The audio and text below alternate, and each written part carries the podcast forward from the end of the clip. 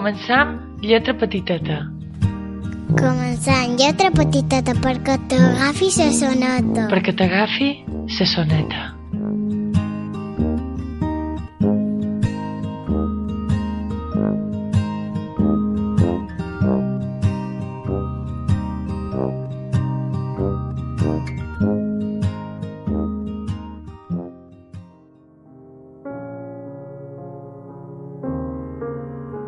En Roger, el del tupé.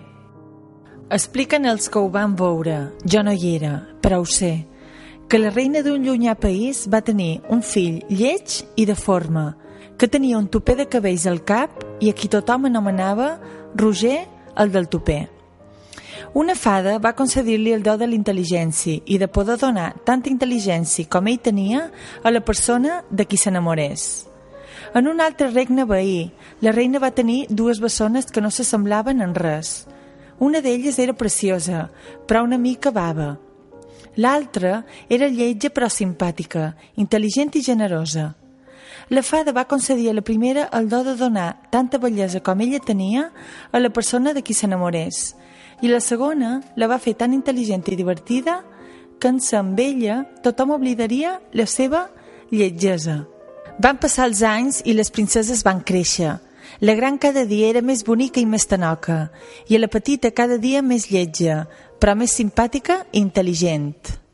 Els pretendents s'apropaven primer a la bonica, però quan feia una estona que hi parlaven s'avorrien i se n'anaven a la lletja, que era molt més divertida. Un dia que la princesa bonica estava plorant al bosc, en Roger el del tupé se li va acostar.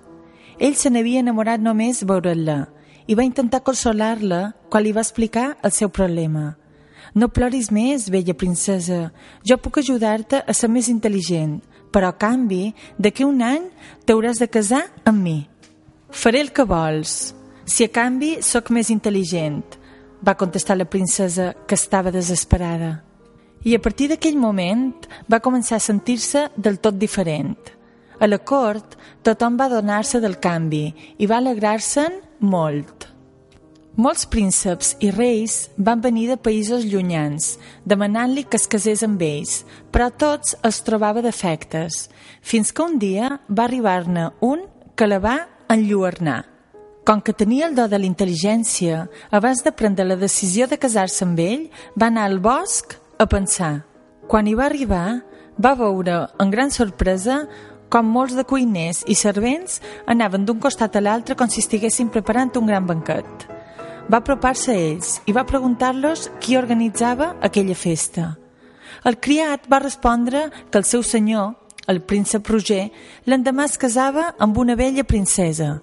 En aquell moment, la princesa va recordar la seva promesa i se li va encongir el cor d'angúnia i va marxar corrents cap a Palau. Pel camí va trobar-se en Roger, que venia elegantment vestit, però que continuava tan lleig com l'any abans. Ell va saludar-la amablement. Bella princesa, com us ha anat aquest any? Heu gaudit de la vostra intel·ligència? Heu estat més feliç? Jo estic una mica impacient. Demà us convertireu en la meva muller. La princesa, en sentir les seves paraules, va contestar-li. Recordo la meva promesa, però penso que un príncep tan amable i intel·ligent com vos no consentirà que em casi sense estimar-lo. Quan era tanoca vaig fer aquesta promesa sense sentit.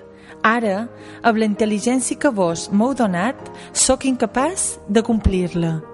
Per les vostres paraules entenc, princesa, que la meva intel·ligència us agrada i que també em considereu educat, elegant i amable, Aleshores penso que no voleu casar-vos amb mi pel meu aspecte físic, oi? Doncs vos podeu fer que jo sigui bonic i atractiu.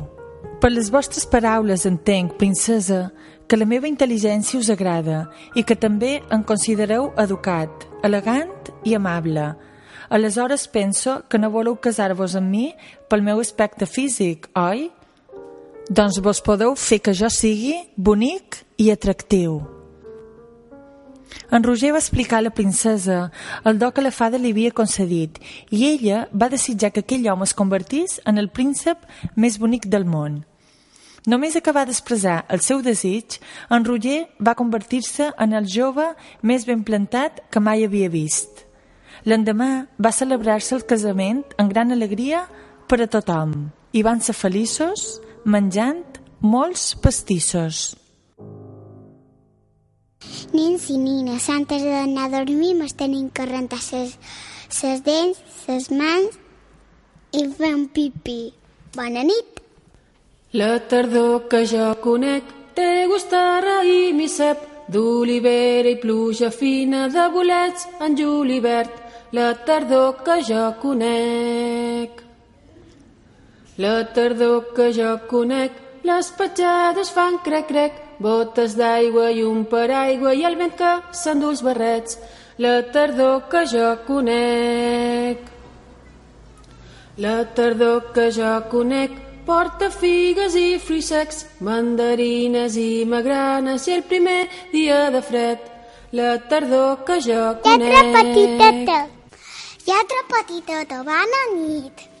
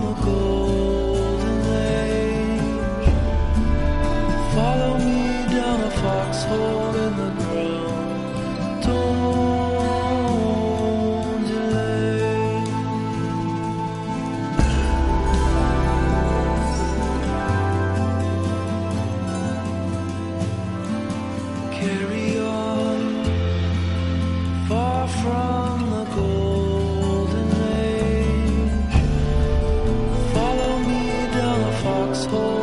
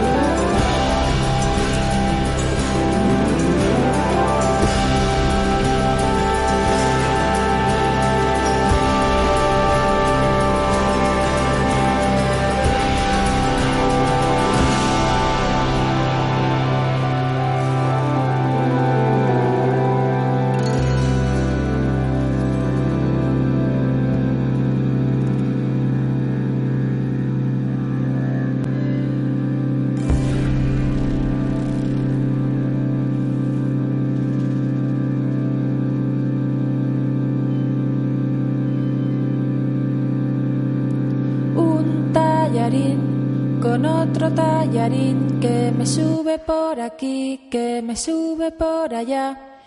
Todo rebozado con un poco de aceite, con un poco de sal y te lo comes tú. Y otro potito. Tic, tac. Cuento de Gregor Rezac. Esta mañana papá está de los nervios. Desde que se ha levantado hasta el desayuno ya ha perdido 10 minutos. Según mamá, los ha perdido buscando sus calcetines. Cuando papá y mamá empiezan a discutir sobre los minutos que pierde papá, yo me voy corriendo al lugar donde mamá afirma que los ha perdido para ver si consigo recuperarlos. Ahora que caigo, con todo el tiempo que hace que papá pierde minutos, seguro que ya habrá miles esparcidos por toda la casa. A veces me pregunto si mamá no los encuentra barriendo, porque para ella tiene de sobra. Tiene tantos que los puede ir repartiendo. Ayer, por ejemplo, me dijo, te doy diez minutos para que recojas tu habitación. Yo le pedí veinte. Vale, pero ni uno más, me respondió. Y así se puede pasar todo el día dándome minutos. Yo intento siempre sacarle los máximos posibles. Así, cuando sea mayor, ya tendré un montón acumulados y, si los pierdo, como le sucede a papá, no pasará nada. Yo intento siempre sacarle los máximos posibles. Así, cuando sea mayor, ya tendré un montón acumulados y, si los pierdo, como le sucede a papá, no pasará nada. Pero para acumular un buen montón de verdad, a donde debería ir es a las carreteras y, sobre todo, a los embotellamientos, pues allí es donde papá pierde más minutos. A veces pierde incluso horas enteras. Además, papá dice que hay miles de personas como él perdiendo horas en los embotellamientos. ¿Os lo imagináis?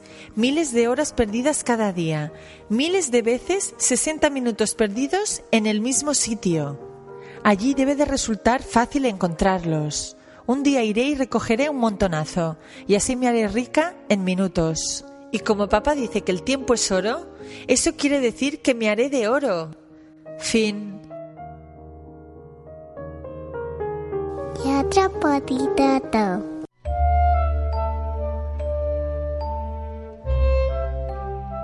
Els amiguets de lletra petiteta han trobat una llibreria Palma, replena de contes i històries màgiques com les que avui hem sentit. Es diu Agapea i la trobaràs al carrer Marquès de Fontsanta 6 o a la web agapea.com. Letra petiteta.